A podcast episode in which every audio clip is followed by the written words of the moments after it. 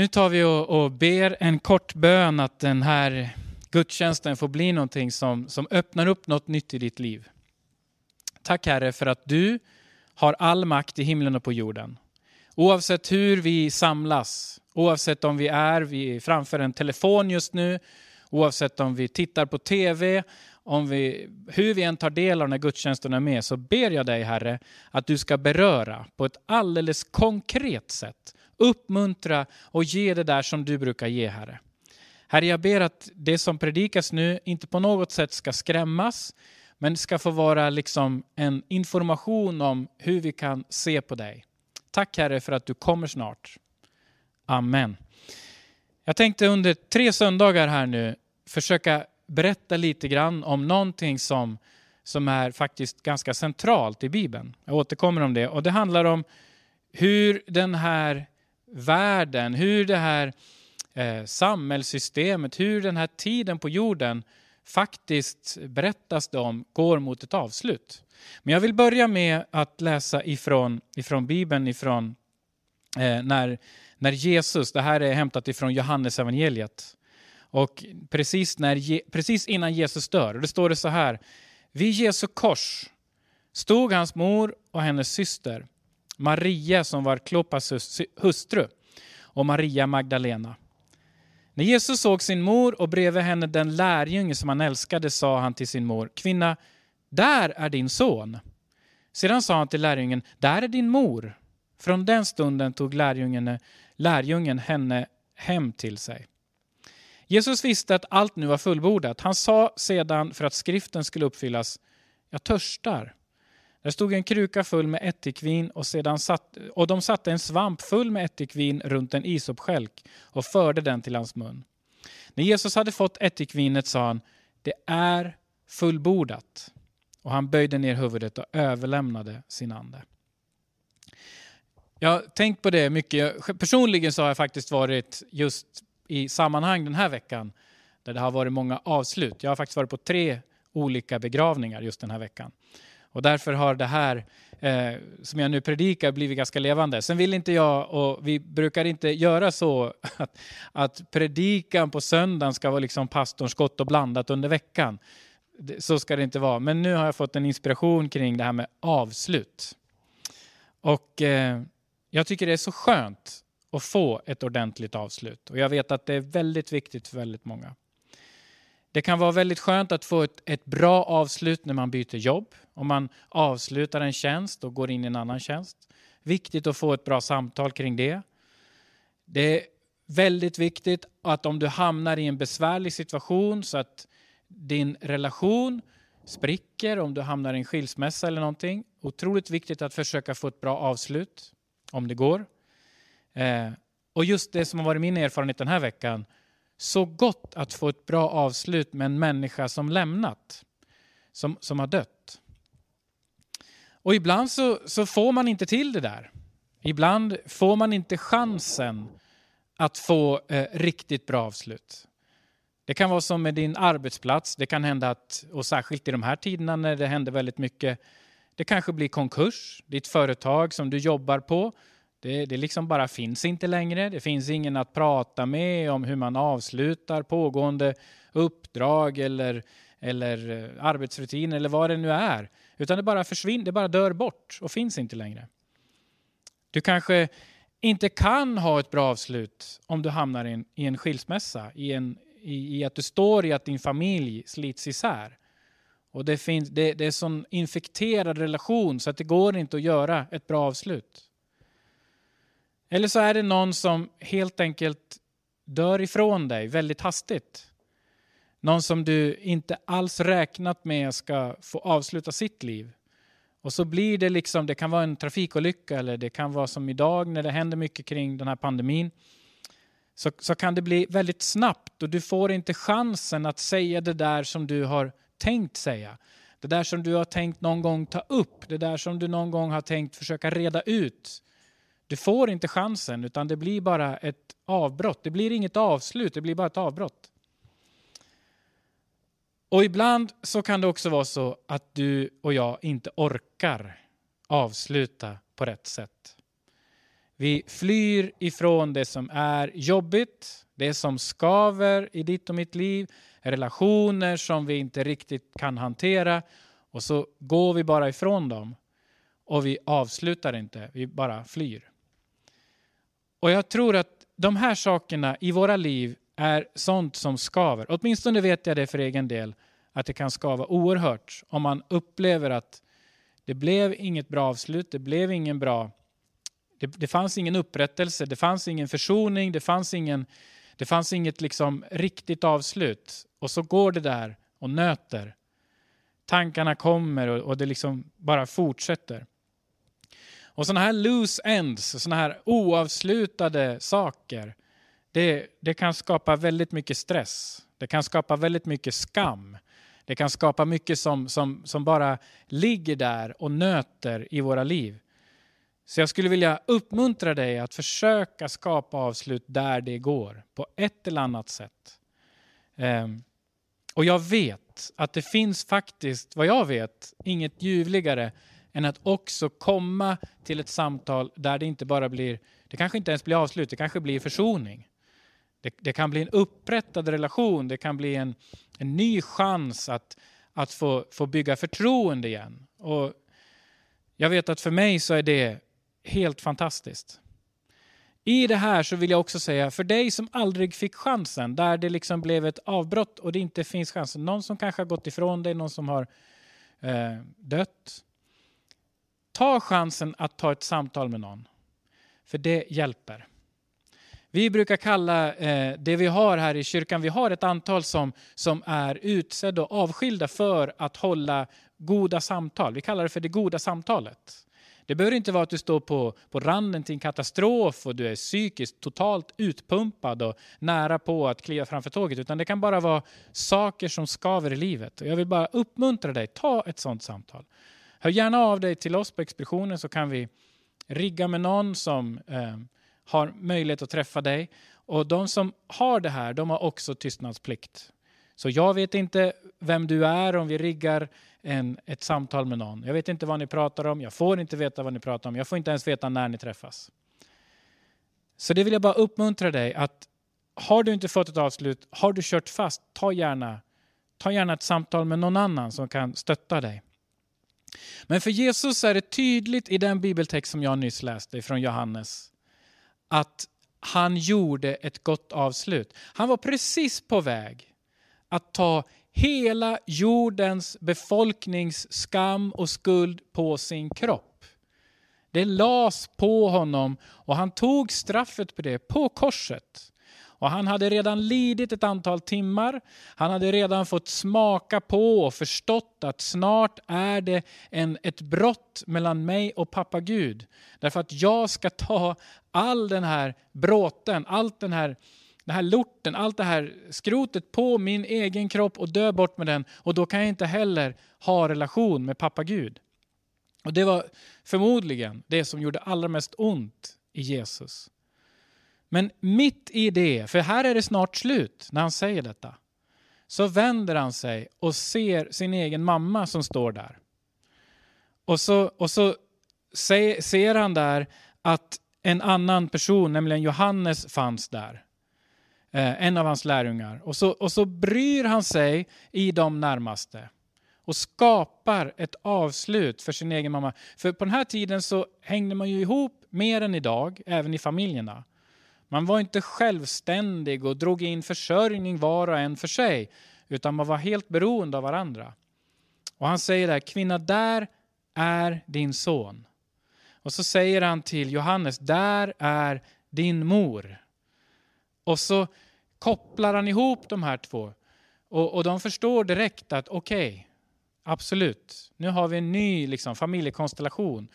Så, så Jesus bryr sig om avslut. Han, han, han gör det stora för allt och alla, men han gör samtidigt det lilla för de närmaste. Och Det här är någonting som vi kan beundra, vi kan se upp till, men vi kan också förstå att det Jesus gör, det kan du och jag också få göra. Det finns ett antal katastroffilmer. Eh, jag bara nämner några vid namn. The Day After Tomorrow från 2004. Geostorm från 2017, 2012 från 2009. Eh, det, det, det liksom återkommande så producerar Hollywood filmer som handlar om liksom, tidernas slut. Just de här filmerna de, de hänvisar till naturkatastrofer och klimatförändringar som gör att det knappt går att leva på vår planet längre. Men vi vet också att det kommer med jämna mellanrum andra filmer. Det kommer sådana där katastrofen består av pandemier, precis som vi är nu.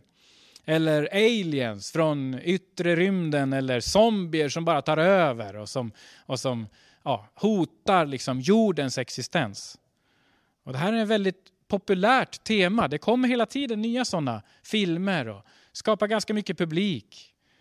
Um, och de här filmerna är väl varierande i kvalitet såklart, men det brukar sluta med att någon superhjälte, en forskare eller någon, någon president, det kan vara allt möjligt, som liksom hittar någon, någon smart lösning och, och räddar allting på ett ganska osannolikt sätt. Men vad kommer det sig att det här är så populära filmer? Vad kommer det sig av att det, det här ändå återkommer med jämna mellanrum? Och, och finns det något i Bibeln om tidernas avslutning? Finns det någonting om avslut för den här världen så som vi ser den? Och då ska vi hoppa in i Matteus 24. Här får vi följa liksom eh, lärjungarna. När vi först kommer in här i Matteus 24 från början så, så, så, så vill lärjungarna visa upp templet och alla byggnaderna runt omkring. Och, och templet ska vi veta du behöver inte kunna någon bibel egentligen när du tittar på och är med i våra gudstjänster. Men, men du kan få lära dig lite. Och templet det var liksom en symbol på Guds närvaro i det landet. Så länge templet fanns där så, så fanns det liksom någonting om att Gud ändå var med folket. Det fanns en framtid för folket. Eh, och, och, och, så går de där och kanske klappar på murarna och, och säger till Jesus, liksom, ser du de här templen? Ja, han ser dem.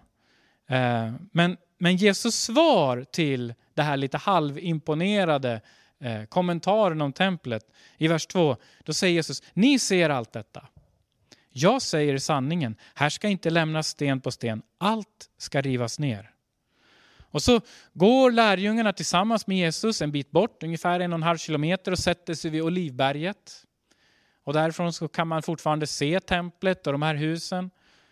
Och då, det här har ju på något sätt stört lärjungarna. Ska de här byggnaderna, de här enormt imponerande byggnaderna, ska de rivas, varför ska de rivas ner? Och de anar att Jesus berättar om någonting som ska komma. Någonting som ska hända som är dramatik, dramatiskt. Och eh, när de sitter där på Livberget och lärjungarna blir ensamma med honom så kommer de fram till honom och så frågar de så här. Säg oss, när? När ska det ske? Och så kommer en fråga till. Och vad blir tecknet på din återkomst? Och den här tidsålderns slut? Lärjungarna förstår att om, om templet rivs, då, då är det någonting riktigt dramatiskt som händer. De har inte fullt ut förstått att Jesus är Gud själv, som har kommit för att upprätta Guds rike på ett nytt och större och mäktigare sätt, men annorlunda. De har inte förstått allt det här, men de är nyfikna. När när tar det slut? Och det var två frågor. När ska det här hända med, med templet? Och det, Jesus sa bara att det skulle hända. Men vi vet, för vi lever lite senare, vi vet att templet och det, det revs år 70. Alltså ungefär 30 år senare.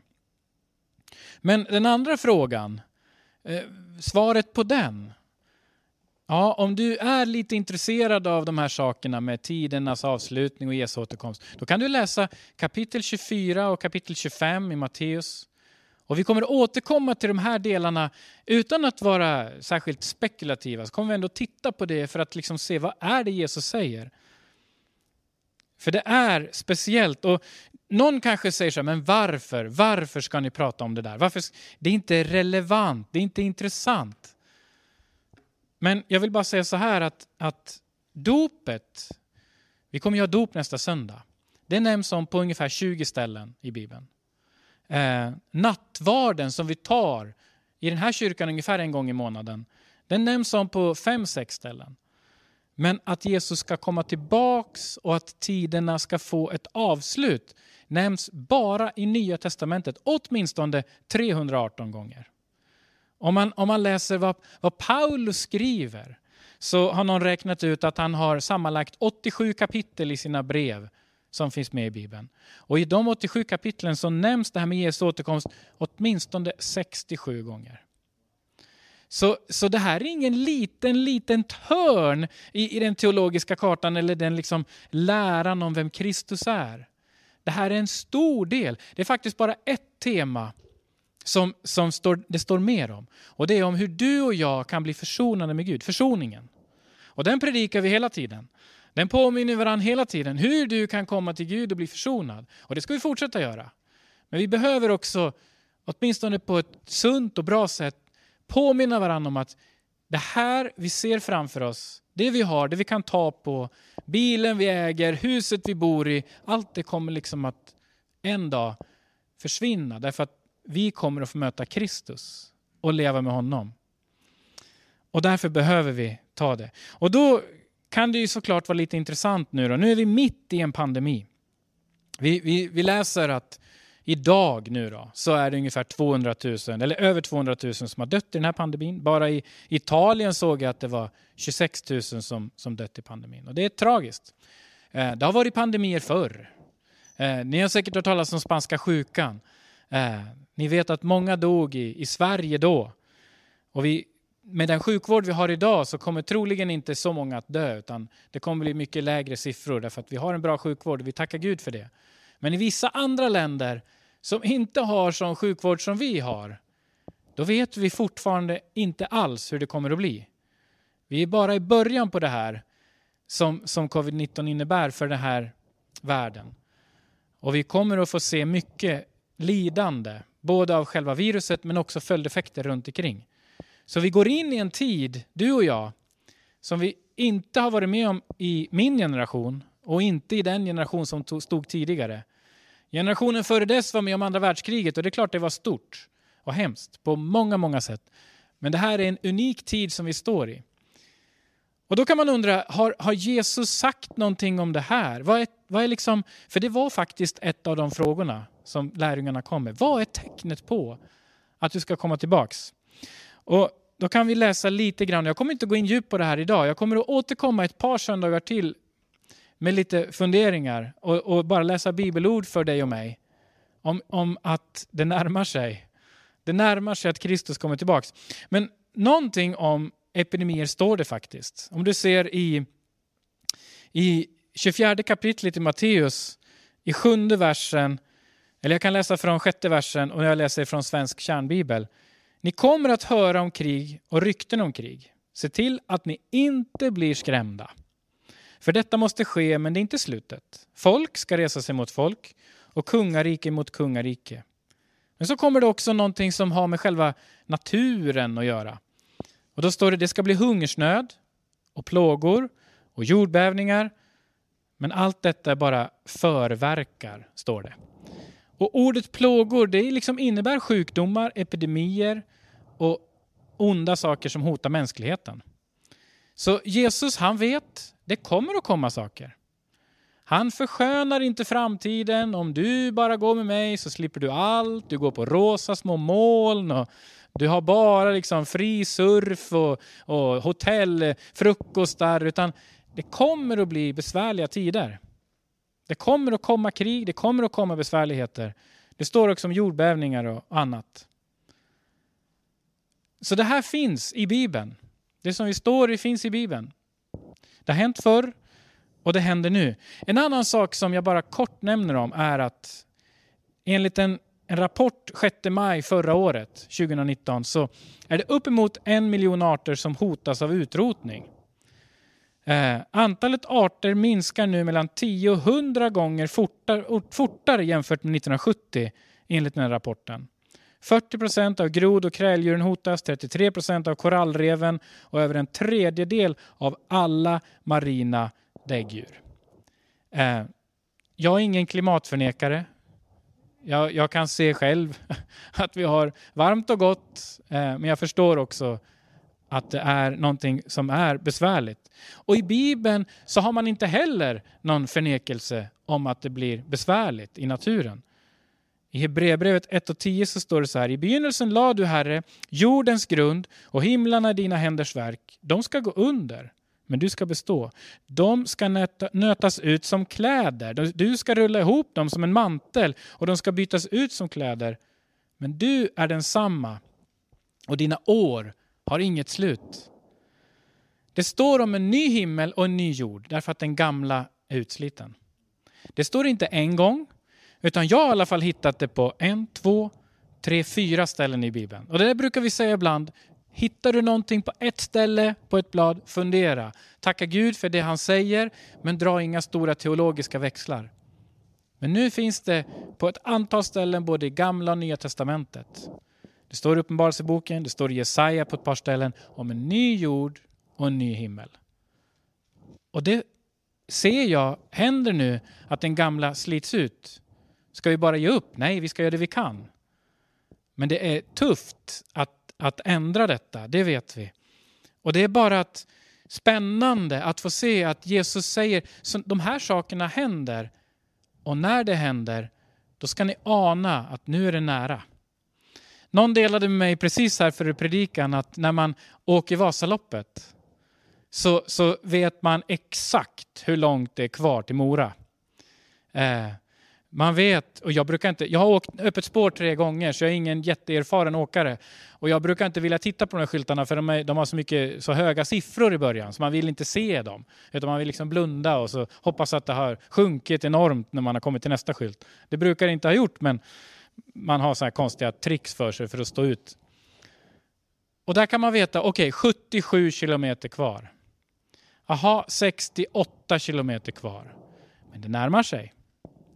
Och det är ungefär så med de här sakerna som jag nämner om nu, som vi ska gå lite djupare på i kommande predikningar, att Jesus kommer att komma tillbaks. Du och jag får vara beredd på det. Och det är helt fantastiskt att du och jag kan förbereda oss.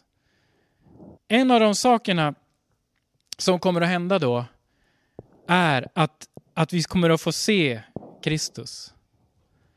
Det står att han kommer att, att märkas och synas för alla på jorden när han kommer. Eh, och, och, det jag vill också uppmuntra dig med är att det som idag är orättvist, för i den här krisen så kanske du sitter i en situation där du känner att ditt liv är så orättvist. Du kanske är i en familj där du inte får utrymme att leva ditt liv. Du känner dig tillplattad, du känner dig undanskuffad och du känner att det finns ingen riktig rättvisa. Du är bara placerad på en plats där du inte får leva ditt liv. Vet du, det kommer, en av de sakerna som kommer med att Jesus kommer tillbaka, det är att rättvisa kommer att skipas. Men så vill jag ändå landa i en så viktig sak och det är att Jesus ser dig och mig redan idag. Vi kan närma oss de här sanningarna om att Jesus kommer tillbaka och vi kan känna en viss oro. Är jag sån att jag är beredd att följa med när Jesus kommer? Kan jag, kan jag känna att jag är lugn och trygg över att jag är beredd? Har jag ordning på mitt liv? Vet att Jesus ser, precis som han såg sin mamma på korset, så ser han dig. Och precis som han, trots att han bar hela världens och hela historiens och hela framtidens skuld och skam på sin kropp och led alla kval. Och så såg han sin mamma. Du ska höra ihop med den här lärjungen. Det här blir den nya familjen. På samma sätt så ser Jesus dig med kärlek. Han ser på dig med intensiv kärlek och omsorg. Och vet du vad han kallar dig? Han kallar dig sin vän. När du vill gå med Kristus så kallar han dig sin vän. I Johannes på ett ställe så står det så här, jag kallar er inte längre tjänare, för tjänaren vet inte vad hans herre gör. Jag kallar er vänner, för jag har låtit er veta allt som jag har hört av min far. Ni har inte utvalt mig, utan jag har utvalt er och bestämt er till att gå ut och bära frukt, en, fr en frukt som ska bestå. Och då ska Fadern ge er vad ni än ber honom om i mitt namn. Och det här befaller jag er, att ni ska älska varann. Vet du att Jesus, Han tittar på dig nu. Han ser dig precis där du är. Här och nu. Var du än är, om du sitter och tittar på din padda, på din tv, på din telefon. Spelar ingen roll var du är. Om du cyklar, var du än är. Så ser Jesus Kristus dig. Och han ser på dig med kärlek. Han vill få möta dig med öppen blick, ansikte mot ansikte, när han kommer tillbaks. Det vi kan lära oss av den situation vi är nu, det är att vi inte behöver vara rädda. Du behöver inte vara rädd, för Jesus ser dig. Han vill ge dig av sitt eviga liv sin försoning. Du kan få ett avslut med ditt gamla liv nu och du kan få ett nytt. Du kan få avsluta det liv du redan levt och försökt leva med olika misslyckanden och framgångar. Och du kan få ett nytt liv tillsammans med Kristus Jesus. Därför att han ser dig. Och han ser på dig med oändlig kärlek. Och jag skulle vilja inbjuda dig till att be en kort bön med mig nu.